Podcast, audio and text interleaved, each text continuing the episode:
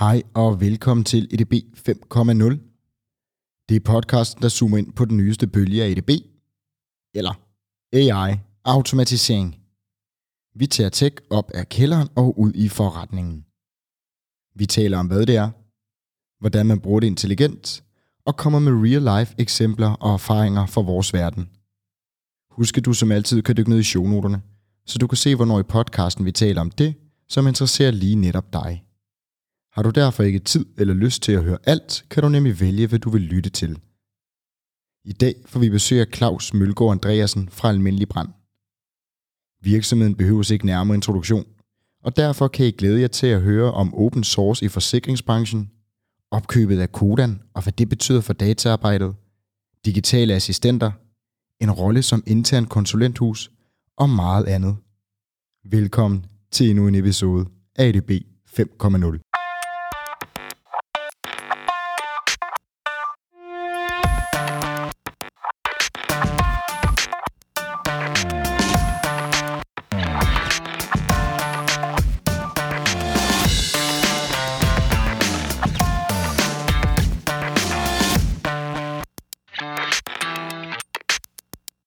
Hej Claus. Goddag. Velkommen til. Tak. Det er, det er varmt herude, og øh, vi sidder og optager her øh, inden, øh, inden sommerferien, og øh, lige før vi er tændt mikrofonerne, så fortalte du mig, at du har været så, øh, så klog at tage bilen dagen inden Tour de France i København. Men du er her. Ja, vi er jo det store cykelland, ikke? så jeg tog bilen. Men du er her, og du er fremme, og vi kan optage. ja, ja. Claus, øh, i stedet for at jeg introducerer dig, kan du så ikke fortælle, øh, fortælle mig og lytterne, hvorfor du sidder her i dag? Jo, øh, præcis hvordan jeg endte her, det, det er et godt spørgsmål. Men, øh, men, men i hvert fald, øh, hvordan jeg endte i den, den rolle, jeg har. Øh, jeg har læst en, en bachelor i IT, som er sådan en ret, ret bred IT-baggrund. Øh, der er jeg også IT. Øh, Øh, ligesom så mange andre med IT-baggrund, så bliver man altid bedt om at fixe router og øh, netværk hjemme hos familie og bekendte. Det er ikke så meget det, jeg har beskæftiget mig med. Øhm, og, og har derfor også en kandidat i til ledelse ovenpå, som er mere den organisatoriske øhm, og måske mere anvendelsesorienteret i virkeligheden øh, forretningsvendte del af IT øhm, fra Aalborg Universitet. Og øh, kort tid efter det, så endte jeg i noget softwarekonsulent øh, øh, branche, implementeret øh, project portfolio management løsninger rundt omkring i Europa. Øh, for nogen, der dengang hed CA Technologies, de er siden han blevet købt. Øhm, og øh, efter at være blevet sådan lidt mættet af sådan en kæmpe stor øh, konservativ amerikansk biks, endte jeg i et, et meget mindre, men, men øh, øh, øh, med meget store ambitioner hos øh, Seabrain, øh, hvor jeg var med til at bygge øh, proces understøttelsesløsninger op, øh, både produktet, men egentlig også implementeringerne rundt omkring hos kunderne. Og, og hvornår er det her, sådan cirka? Åh, oh, det er et godt spørgsmål. Vi er sådan i øh, midten af 10'erne. Midten af 10'erne. Ja. Og hvordan ser du ligesom udviklingen? Nu var du først i et, et, øh, et stort amerikansk selskab, øhm, mm. og ryger senere i, i, hvad jeg hører, du fortæller lidt som et startup, den startup. Ja, det er det jo egentlig ikke rigtigt på det tidspunkt. Øh, det har alligevel nogle år på banen der, men, men i, i en i, i fuld skalering øh, I fuld stadigvæk. Skalering. Ikke? Ja. Og hvordan var det inden for, øh, inden for ja, det område at bygge software og skulle gå fra amerikansk til dansk dengang? Øh, fordi at der har jo generelt set været en, en mangel på udviklere i, i Danmark, og er det jo stadigvæk i dag. Vi vil jo mm. gerne have endnu flere. Øhm, hvordan var det ligesom at gå fra, øh, fra det amerikanske til det danske, hvor, hvor jeg forestiller mig, at, at der var mere måske at hente i, i det amerikanske? Og hvad tænker du på at hente? Jamen, jeg tænker, at, at der har måske været flere specialister at trække mm. på, og folk med, med, med mere know-how, så skulle ind i noget dansk, og måske være en af de mere bærende eller ledende, i og med, at selskabet ikke var så stort. Mm. Hvordan har det været øh, skiftet? Ja, altså det, begge dele handler egentlig om standard øh, software. Øhm, og, og der kan man sige, noget af det, det sjove og spændende ved det er implementeringen. Øh, og hele, hele den, den øh, organisatoriske del af det, hvordan ser processen ud? Øh, så du ikke bare bygger et system, der ligner dine processer i dag, men egentlig har nogle koncepter og nogle idéer med øh, det produkt, du implementerer. Og gerne vil, vil ændre øh, organisationen til at, at få gavn af de best practices og, og øh, gode koncepter, der ligger i det.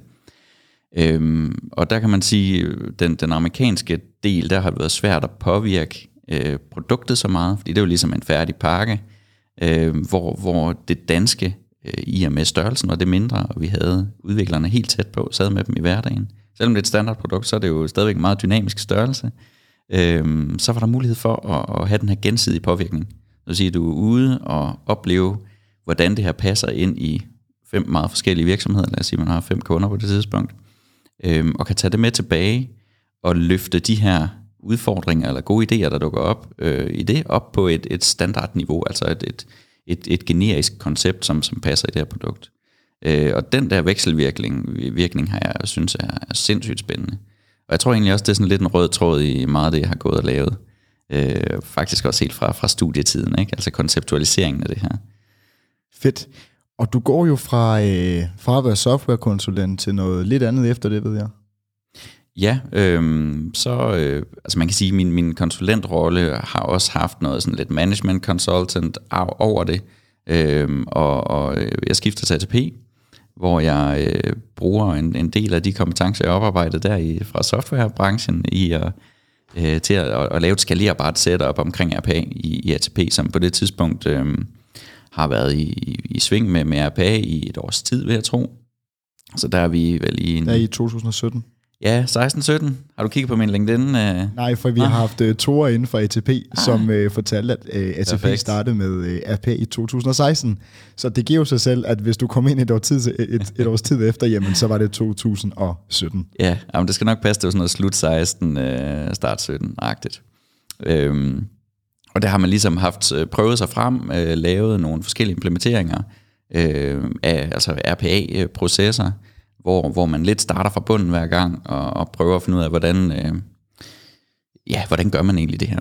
Øhm, og, og jeg kommer med sådan et, et rimelig, øh, en, en fuld værktøjskasse i forhold til skalering af, af den her slags konfigurationsløsninger, øh, som i høj grad var det, vi lavede på procesdelen oven på, på Seabrains F2-produkt. Øhm, og, og begynder ligesom at lave nogle standarder og noget genbrug, øh, som gør, at vi kan skalere det her. Øh, også prøver at lave nogle sådan lidt mere øh, konceptuelle løsninger, som, som gør det nemmere for, for forretningen at vide, hvad er det, man kan med det her. Øh, og, og, og det skalerer vi øh, hos ATP, og jeg er der i en 4-5 år, 4 år, 4,5 år, tror jeg. Øh, og, og bruger det egentlig rigtig meget i den her politiske kontekst, hvor der man kan blive ramt af en, af en lovændring fra dag til dag nærmest, øh, som gør, at man lige pludselig skal ændre praksis næsten med tilbagevirkende kraft på måden øh, ATP behandler øh, sager. Udbetaling Danmark er nok det, som de fleste kender mest fra ATP, uden at vide det i virkeligheden er ATP, der administrerer det. Ja, hvad er det? Øhm, øh, udbetaler to ud af tre offentlige kroner i Danmark, eller sådan noget. Det er, lige det, det er gigantisk. Det, der ryger rigtig mange penge øh, igennem biksen der. De kalder også sig selv for Nordsjælland Silicon Valley, fordi de har det, det største og mest interessante datagrundlag i Danmark. Så den må stå for Tores regning. Den, den, den får Tore, hvis du lytter med derude, så har du den for dig selv. Øh, ja, men altså det er jo en, en, en kæmpe biks, ikke? Og med et rigtig stort administrativt øh, organ der. Øh, og, og vi brugte RPA rigtig meget til den her hurtige reaktion. Øh, man har brug for at mønstre øh, 50-100 mand til at lave øh, et eller andet super trivielt, hvor, hvor du næsten kun kan bidrage negativt som menneske øh, med tastefejl og alt muligt andet. Ikke? Øh, og der var RPA bare en genial løsning at, at have klar. Øh, så det, det brugte vi rigtig meget der. Øhm, og så på et tidspunkt, så, så skal der ske noget nyt. Øhm, øh, jeg bliver lidt klogere på mig selv som leder, hvad jeg synes, der er fedt. Øhm, og, øh, og, og, og savner i virkeligheden det kommercielle aspekt, øh, også i, i, i IT og i helheden, øhm, i forhold til, hvad der er skaleringsmuligheder. Øhm, og, øh, og er så heldig, at jeg snubler over, øh, over noget LinkedIn. Øh, Christian Hjort, øh, vores... Øh, øh, koncerndirektør for forretningsudvikling og teknologi i Almindelig Brand. Og så tror jeg faktisk nu, Claus, at jeg ved jo godt, hvor du arbejder, men jeg tror faktisk ikke, vi har fået introduceret det endnu. Nej. Hvor, hvor arbejder du henne? Jamen, jeg arbejder hos uh, Almindelig Brand Group, må jeg heller huske at sige nu. Uh, vi ja, blev til Group og, her for nylig. Og hvorfor det? Fordi vi, uh, vi var så heldige at få lov til at, uh, at købe det danske Kodan, og uh, dermed bliver, bliver Danmarks anden største skadesforsikringsselskab. Tillykke. Mange tak. Øh, og det passer jo rigtig fint ind i historien om skalering. Øh, og vi, vi arbejder ligesom ud fra et, et koncept, hvor vi, vi, vi har en platform, øh, en operating model og, og en virksomhed med, med flere brands under, og, øh, og på den måde har en forretningsmodel, der er øh, interessant at lave partnerskaber i, og, og egentlig også at, at eksperimentere med, med ny teknologi og de muligheder, det giver os for at, at lave de bedste services for vores kunder. Og hvad er det, der gør, at du skifter til almindelig brand lige på det tidspunkt? Hvad er det, du får mulighed for at, at, at være med til, eller skulle der bare ske noget nyt? Jamen, øh, noget af det, jeg faldt over på LinkedIn, det var øh, Christian Hjorts udmelding om, øh, nu gik de bare cloud only. Der var ikke noget... Øh, nej, nu, nu er det bare lige ud af posen, ikke? Der var ikke noget pis. Øh, ikke, ikke en masse politiske fnider og fnader om, at vi, vi øh, cloud first, eller sådan noget. Nej, det var cloud only, ikke? Fedt. Øh, det kunne jeg godt lide noget, noget. Der var noget punch i det. Og det er også det, der skal til for at, at prøve at, at forandre sin bigs med, med de muligheder, teknologien bringer. Øhm, og Cloud Only giver også nogle, nogle fede muligheder, øh, som, som øh, jeg, jeg godt kunne se mig i og, og prøve at høste nogle gevinster i. Øhm, og øh, bliver så faktisk samtidig kontaktet øh, om, at, at der kunne være en mulighed for at, øh, at være med til at, at slå øh, det, de havde som, som Advanced Analytics sammen med noget øh, procesautomatisering.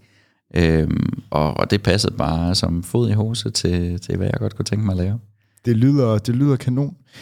Og øh, lige om lidt, så skal vi jo tale meget mere om, hvad et opkøb af Akoda var et stort selskab. Øh, opkøb af et stort selskab, og selvfølgelig i, i en IT-mæssig retning, og med øh, automatisering ovenpå måske noget, noget, noget datagrundlag, skal vi dykke ned i om lidt. Mm. Men før vi gør det, så, øh, så er vi jo en podcast, som, som diskuterer øh, intelligent automatisering som vi også skal på den anden side. Øh, men før vi gør det, så kunne jeg godt tænke mig at høre øh, dit, din egen personlige holdning til, øh, hvad intelligent automation er. Ja, det er et godt spørgsmål. Øh, du nikker meget tilfreds. Jamen, det, er, det, det er altid godt at få, få vores gæster lidt på, øh, lidt på slap line. Ja. Øh, der har ikke været noget fælles vej nu. Øh, der er heller, held, heldigvis heller ikke nogen dommer eller et rigtigt og forkert svar. Så du kan ja, sige, hvad godt. du vil. Det kommer bare ud i æderen. Det er godt. Øhm, jamen, øh, først og fremmest, øh, når jeg sådan kigger på min baggrund i forhold til standard øh, software, jamen, så øh, det vigtigste er i virkeligheden at bruge værktøjerne intelligent. Altså at bruge dem øh, øh, på de rette behov, øh, og, og øh, bruge de rigtige værktøjer til, til de udfordringer, man har. Øhm, og øh, der kan man jo kigge i den gamle lean-pose og sige, skulle man overhovedet gøre det her, øh, så er der ingen grund til at automatisere det. Øh, det har de fleste efterhånden fået ind under, ind under bæltet. Øh, og, og næste skridt er jo så at sige, øh, koblingen mellem, mellem intelligent og, og automation er, at øh, automation-delen i, i mit hoved er, at man har en, en evne til at eksekvere på noget, altså udføre nogle handlinger. Øh, og intelligence-delen handler om, at man kan begynde at efterligne en, en, en menneskelig intelligens, altså en vurdering, øh, det at læse og forstå noget og agere på baggrund af det. Øh, og når vi får koblet de to ting, så, så vil jeg kalde det intelligent automation.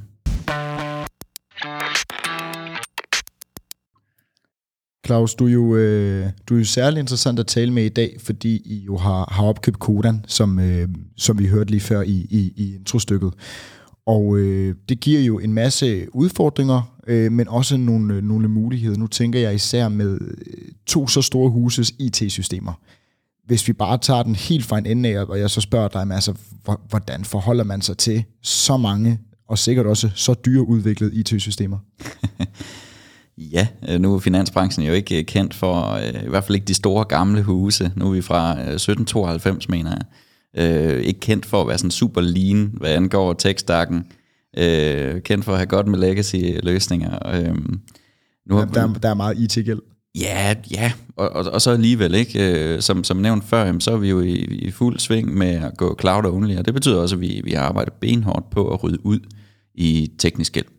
Øhm, fordi vi kan se, at, at der hvor markedet bevæger sig hen, og, og vores strategi om, omkring One Platform, One Operating Model, One Company, partnerskaber, handler om, at vi skal være øh, dynamiske, og egentlig bruge det som en, en strategisk differentiator og være god til at, at øh, lave nye produkter øh, og tilpasse dem kundernes forventninger. Og, og, og den hverdag, der, der jo, kan vi se, de sidste par år kan ændre sig ganske drastisk. Øhm, så øh, vi, vi har jo en kæmpe opgave foran os, øh, som vi har brugt noget tid på at forberede os øh, rigtig, rigtig grundigt øh, på. Øh, og det er klart, det kommer til at fylde rigtig, rigtig meget i vores øh, arbejde generelt de næste par år. Øhm, og det betyder jo også noget, øh, det betyder rigtig meget for, for mit arbejde, øh, og, og de, de dygtige kollegaer, jeg har, fordi at øh, vi har et, et, et løbende, meget ændrende, meget dynamisk øh, systemlandskab, vi skal lave vores løsninger ovenpå og sammen med. Øh, vi har øh, rigtig mange i vores forretning, der har fokus på de store opgaver, der er, og måske ikke så meget den der løbende forandring og forbedring. Øh, så, så det er klart noget, der, der fylder hos os. Øh, og jamen, så må jeg, jeg tror, jeg er nødt til at spørge det der med, du, du siger, men det er jo ikke din afdeling, som, øh, som ligesom står for integration af øh, IT-systemer. Mm. Men hvad laver I så? Ja, jamen et, et af de fokusområder, vi har haft øh, faktisk her på det sidste, det er at, at sige, hvordan kan vi lave, hvordan kan vi lave øh, nu kalder jeg det bare AI, ja. i, i sådan en bred forstand. Ikke? Hvordan kan vi lave AI, uden at vi har nogle kollegaer, som skal ændre deres adfærd super meget, i en tid, hvor de allerede er i fuld sving med at koncentrere sig om en masse andre ting. Så det skal være teknikken eller teknologien, som afhjælper problemet? Ja, eller hvordan kan vi lave usynlig understøttelse ja. af, af de ting, vi laver? Og hvordan finder man de ting? altså, er det gå ud og spørge brugerne, eller tager man fat i tekstakken først, eller hvordan gør man? Jamen, det er sådan en god blanding, øh, og, og, og det er jeg glad for, at du spørger om. Øh, der har været sådan lidt en tendens til, at øh, man kan sige, brugerdrevet udvikling handlede om, at man gik ud og spurgte kunderne eller brugerne, hvad vil I gerne have? Øh, og, og den tror jeg, at det, det er også en væsentlig del af det. Men jeg tror faktisk ikke, det er det, det, er det primære. Øh, fordi altså, spørger man, man nogen om, så spurgte man mig om, øh, hvad mit tøj skulle være lavet af, jamen så havde jeg nok sagt øh, bomuld, fordi det ved jeg ikke noget som helst om, og kender overhovedet ikke noget til egenskaberne af de forskellige øh, typer stof. Øh, men man kunne give mig 10 forskellige øh, par sokker, og så kunne jeg prøve dem. Øh, og så skulle jeg nok sige, hvorfor nogen jeg kunne lide, og hvorfor nogen jeg ikke kunne lide. Øh, og det er egentlig lidt det, det samme, vi, vi prøver at understøtte. Øh, vi opfordrer rigtig meget til feedback på vores løsninger, men vi prøver også at lave nogle løsninger, hvor vi egentlig prøver det af, og er super hurtige til at tilpasse os. Øhm, så, så et, et eksempel, dejligt lavpraktisk eksempel, er vores, vores digitale assistent, der øh, øh egentlig er bygget som en, en slags chatbot, øh, men er noget mere dynamisk i sin størrelse. Øh, Albotta øh, er hun med at hedde. Øh, og, øh, og vi gik i luften med, med den her størrelse uden ret meget indhold faktisk. Øh, lige sådan, øh, så den, så den kunne, kunne overleve og ikke gav en, en skrækkelig oplevelse. Men, men så har vi egentlig løbende, øh, mange gange hver dag, lavet nyt indhold. Hvordan, hvordan er det at smide ting ud i, hvad der minder om Ultra MVP? Ja. Kontra at udvikle lidt mere på den med nogle øh, superbrugere eller andet, og køre nogle iterative processer. Hvad, hvad, hvad er resonemanget ved at smide det ud til en, til en øh, større brugergruppe? Mm. Vi, havde, vi havde snydt lidt øh, forud, øh, og så havde vi jo lavet øh, lidt det samme eksperiment internt, øh, hvor vi har lavet en løsning, der understøtter vores rådgivere i nemt at kunne finde oplysninger, betingelser, øh, måder man gør ting på, øh, mens de taler i telefonen med kunderne. Øhm, og der havde vi sat os ned og tænkt os rigtig, rigtig godt om, og læst en masse dokumentation og bygget en masse indhold, øhm, for så at finde ud af, jamen det var måske ikke, det ramte ikke øh, alt sammen helt plet. Øhm, og i, i den proces øh, blev vi egentlig modige nok til at prøve det andet. Øh, og så betyder det jo ikke nødvendigvis, at man lukker det op for, øh, altså spreder det ud til alle kunder på en gang. Vi sikrer os, at hvis det handler om nogle, nogle følsomme sager, jamen så, øh, så, så skynder vi os at sende dem den rigtige vej, og, og sørge for, at de får kontakt øh, med nogle af vores dygtige rådgiver med det samme. Øh, men vi kunne ligesom godt lave en, en mellemvej og, og åbne det op, og, øh, og det der er fedt med den, den her teknologi, det er, at du skriver egentlig, hvad du gerne vil. Så du giver os svaret. Øh, hvis man nu sammenligner det med en FAQ, jamen, så kan man godt se, hvordan øh, vores kunder interagerer med den, men det fortæller os egentlig ikke, hvad de rigtig gerne vil. Øh, kun inden for det scope, vi ligesom har præsenteret dem for. Øh, så på den her måde, så kunne vi sindssygt effektivt øh, begynde at, at tilbyde det, som der faktisk bliver efterspurgt. Ja, for det bliver vel også en, en øh, bliver vel en, en proces, fordi det genererer data, og man får feedback, og den servicerer, den bliver bedre, bedre, bedre, bedre. Præcis. Så Ja, kom og, ind. Og, og det, der er overskriften for vores arbejde, ja. det, er jo, det er jo det her med at lave services, der er baseret på data, øhm, som, som vi har en forventning om, gør, at servicen bliver bedre, mere relevant, mere personlig, mere dynamisk, øhm, og det gør, at den bliver brugt mere. Og jo mere den bliver brugt, jo mere data får vi, og jo bedre bliver servicen. Og så har vi den her eksponentielle udvikling i, i værdien. Ikke? Og så kommer det helt store spørgsmål, når man flyver på en lyserød sky og kan sige det, du lige siger. Hvad så med governance? ja. Og, og, og hvad, fordi at governance betyder forskellige ting, alt efter hvor mm. du er. Mm. Hvad betyder governance ved jer, og hvordan sørger man så for god governance omkring eksponentielle teknologier og generering af data, og jeg skal komme mm. efter dig? Mm. Det var en skrækkelig vinkel, det tog det her. ja, det, det var så godt, ikke? jo, præcis. Øhm, lige den her konkrete anvendelse, jamen, så er vi så heldige at, og, øh, har, har været igennem revision øh, inden for vores første års levetid på, på lige den her løsning. Øhm, og, og det vi har haft fokus på governance-wise, det er egentlig at sige, hvad er det for nogle processer, der er væsentlige for os for at sikre, at det her indhold det er, er passende. Øhm, og der har noget i forhold til, til en risikovurdering. Jeg nævnte det egentlig også til at starte med lad os nu sige, der, der, det, er en, det er en følsom sag. Altså, øh, øh, det, vi er jo en skadesforsikring, det kan være, der er nogen, der har kommet til skade. Øh, det kan være et dødsfald, det kan være alt muligt andet.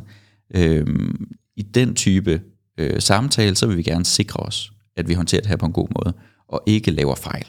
Øh, så derfor de vi ligesom det til at starte med, og siger, at det håndterer vi på en bestemt måde. Øh, det kunne også være, øh, at, at lad os nu sige, at vi, vi øh, ikke havde tænkt over det her, og begyndt at at lave en løsning, der egentlig kom med konkrete svar. Så lige præcis for dig vil du få 8.000 kroner udbetalt på den her. Det vil vi ikke kunne gøre, eller det, det vil i hvert fald kræve, at, at vi var rimelig skråsikre på, på måden at interagere med, med kunderne på. Ikke? Øhm, så vi er ligesom øh, differentieret mellem øh, de forskellige niveauer af risici på, på måden øh, på brugen i virkeligheden. Og øh, hvis vi dykker lidt længere ned, jeg ved i din afdeling, der jeg arbejder ikke kun med øh, digitale assistenter, chatbots, eller hvis vi skal køre det i AI, så er det vel øh, conversational AI. Mm. Øh, jeg ved at I laver andre ting, og de, jeg, har ligesom, jeg har andre ben at stå på. Kan du prøve at uddybe øh, lidt om det? Ja, helt sikkert. Øh, ja, altså vi har, vi har sådan tre, tre primære øh, squads, kalder vi det. Vi kører sådan en Spotify-lignende model, som vi kalder FAST, som er vores almindelige brand agile leverancemodel. Øhm, og, og de tre squats øh, består af et, et ML Enablement squat. Som, og øh, vi vil gerne have demifysticeret rigtig meget. Yes. Så ML Enablement yeah. Squat. Det lyder mega nice, ikke? Det lyder mega fedt. Altså, jeg, jeg er på, men, men, men hvad betyder det? øhm, jamen, altså, det, er jo, det er jo sådan lidt advanced analytics-vinklen på det, ikke? Altså, hvordan, øh, hvordan kan man... Øh, øh, lave prædiktive modeller, for eksempel. Øh, kunne vi øh, på en eller anden måde fortælle øh, med, en, med en model øh, levere en sandsynlighed for, øh, hvorfor nogle dækninger eller produkter, der er relevant for, for mig. Øh, det, det er noget det, vi laver.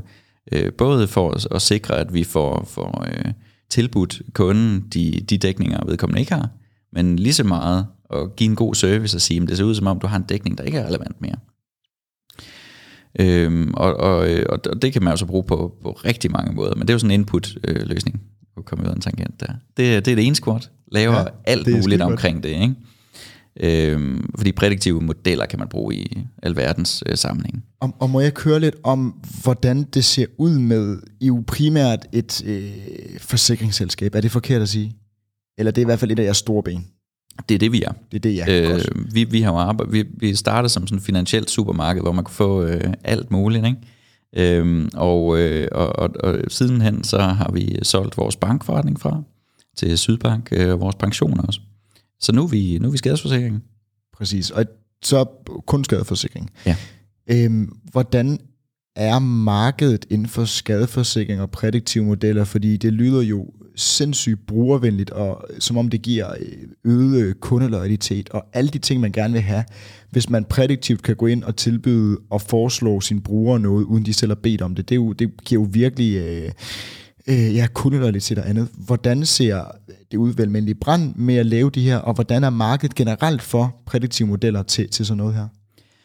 Øhm, altså de bliver brugt i øh, mange flere sammenhænge, end man lige går, går tror.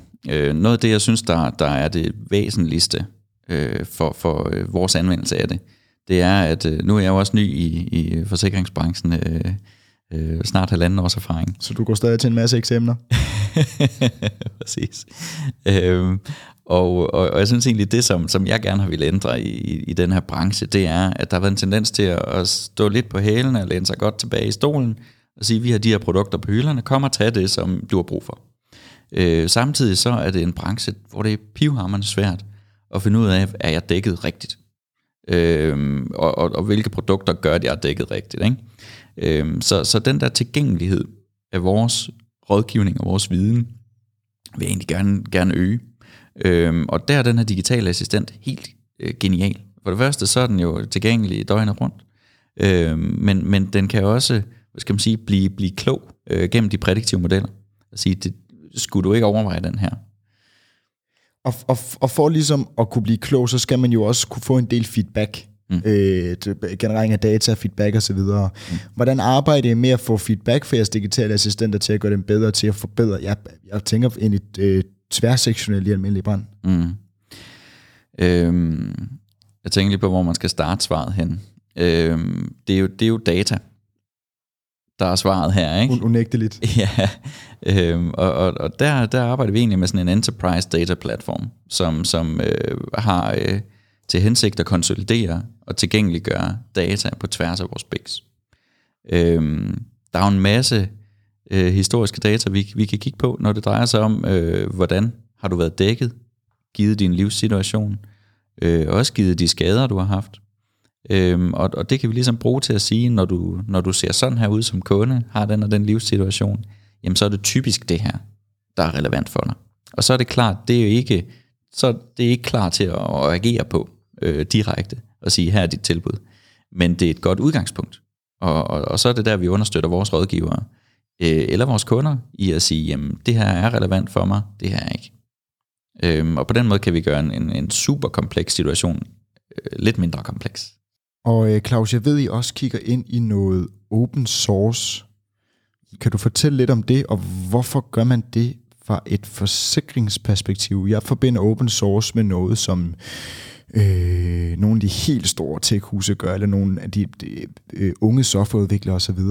Hvad, øh, kan du fortælle lidt om det? der? Mm, absolut, og, og du kommer med et godt øh, keyword der til sidst med de unge øh, softwareudviklere. Øh, Øhm, der er jo flere aspekter i det. En ting er, at, at vi ønsker at have en, en lean-drift. Øh, og, og noget af det, som man kan ende med at have rigtig meget af det, hvis man laver en, en masse enkeltstående komponenter og selv skal drifte det hele. Øh, så så der, det er klart, der er et perspektiv i det. Altså, kunne man lave nogle komponenter og gøre dem open source, øh, altså nogle komponenter, som vi ikke synes, vi kan finde øh, andre steder, lave det som et open source projekt, have nogle andre med til at udvikle det sammen med os, så er det attraktivt. Øhm, og det andet er, at, at det skal være attraktivt at arbejde. Øh, altså det, der, er en, der er en kamp om at få de, de dygtige medarbejdere. Øh, og noget af det, der er fedt, det er faktisk at lave nogle open source projekter, hvor man har noget samarbejde øh, og bidrager fælles til, til nogle af de her løsninger. Øh, så, så det er klart også et, et perspektiv i det.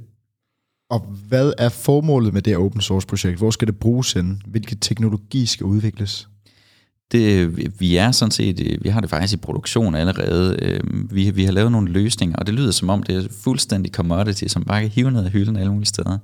Øh, men øh, det har vi konkluderet, at det ikke var. Og, og derfor har vi selv bygget noget, hvor det egentlig handler om en, at vi har lavet en, en, en løsning, som vi kalder den Anton. Det er sådan en annoteringsløsning, hvor vi egentlig får skabt træningsdata til, til det at, at, at hive korrekt information ud af dokumenter.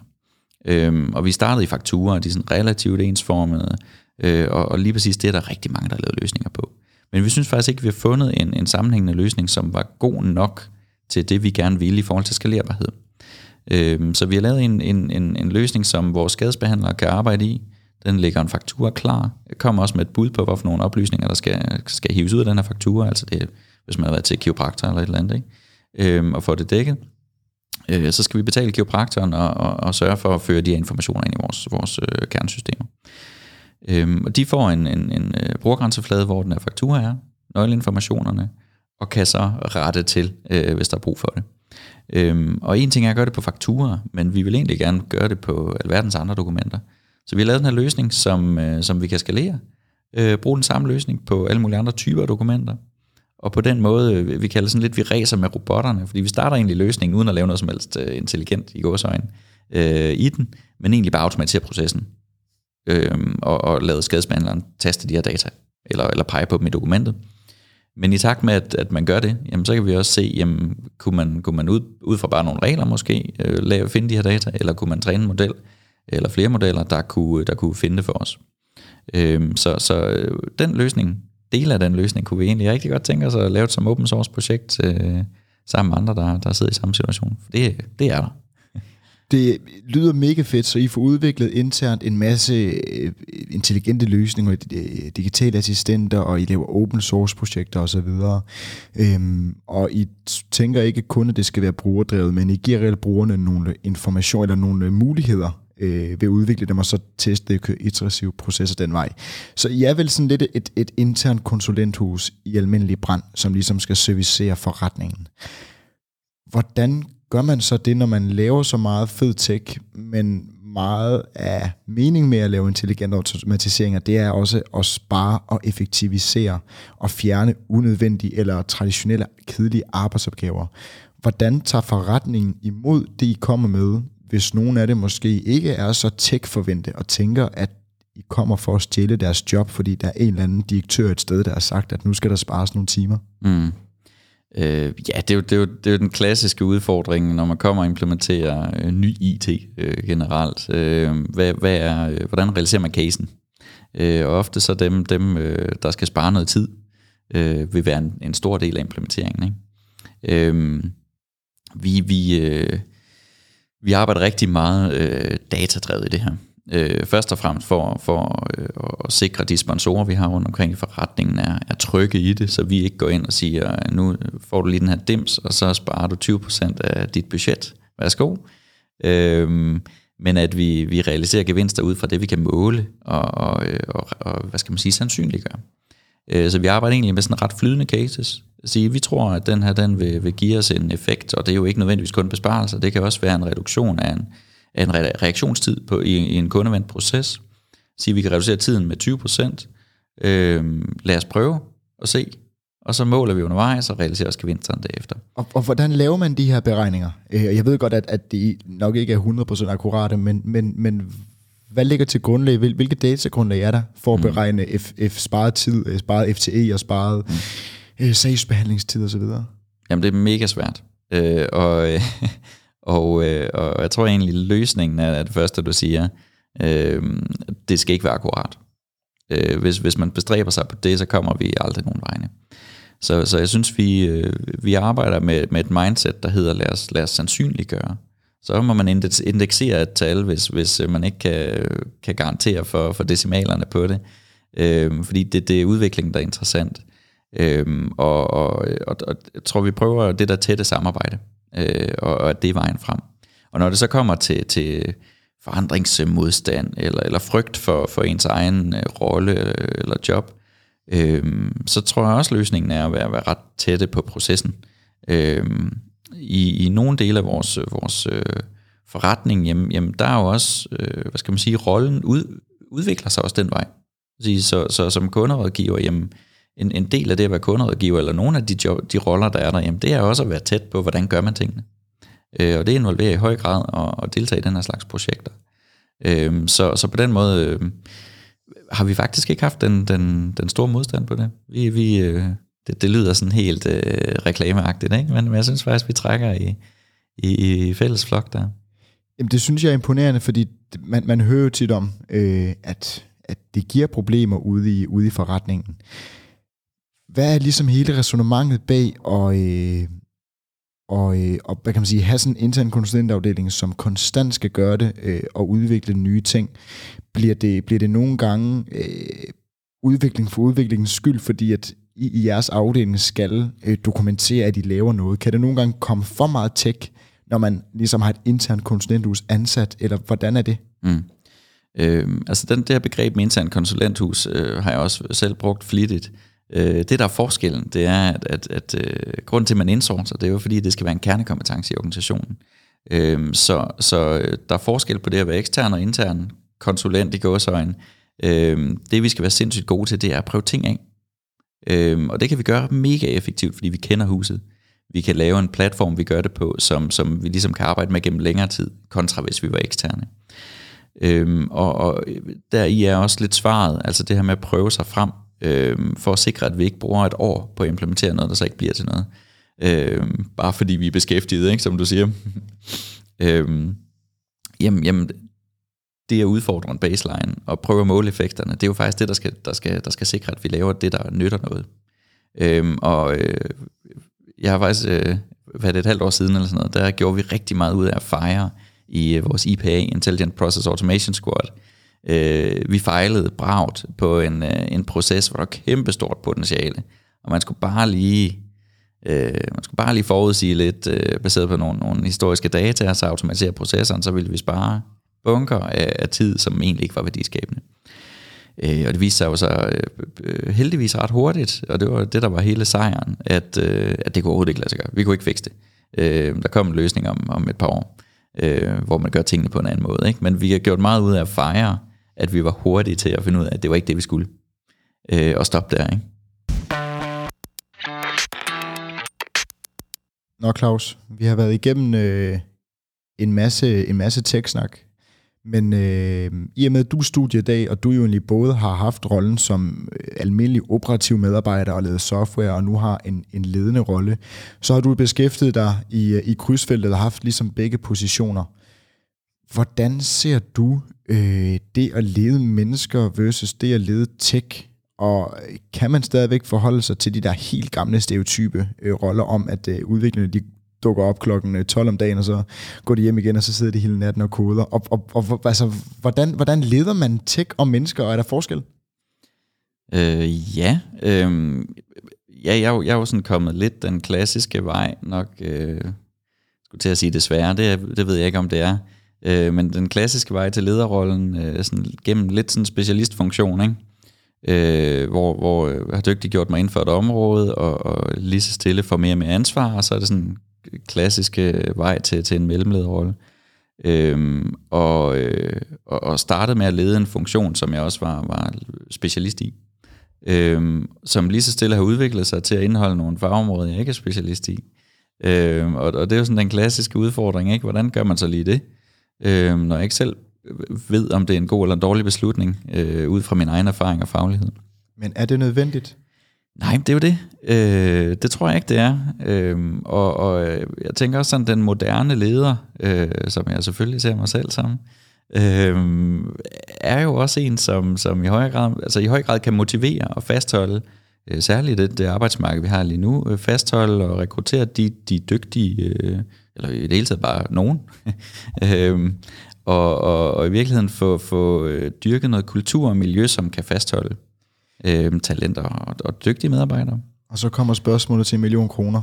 Hvad, hvad er det så, lederen skal kunne dyrke og skabe af kultur mm. som færdsels medarbejder? Fordi at det er vel lidt en, en øh, ja, det er vel en sandhed, at, at medarbejdere forlader ikke jobs, de forlader mm. ledere. Mm. Øh, eller dårlig arbejdsmiljø, som jo typisk er skabt af en leder. Så hvordan gør man? Mm. Jeg tror ikke, der er ikke sådan lige fem punkter, øh, men... men øh, det havde jeg håbet på. jeg skriver en bog, når jeg har dem. Øh, noget af det, jeg øh, synes i hvert fald er, er vigtigt i, i funktionen, øh, det er, at, at det er... Øh, det er ikke en, en stor leder, der står oppe i toppen og fortæller, hvad folk skal gøre, hvornår og hvordan. Øh, men at det er, er øh, at, at, at øh, man sørger for at få engageret og i virkeligheden også øh, involveret øh, de, de kollegaer, man har. Øhm, og jeg, jeg kalder dem øh, meget bevidst også kollegaer, øh, fordi, fordi det er i så høj grad et samspil.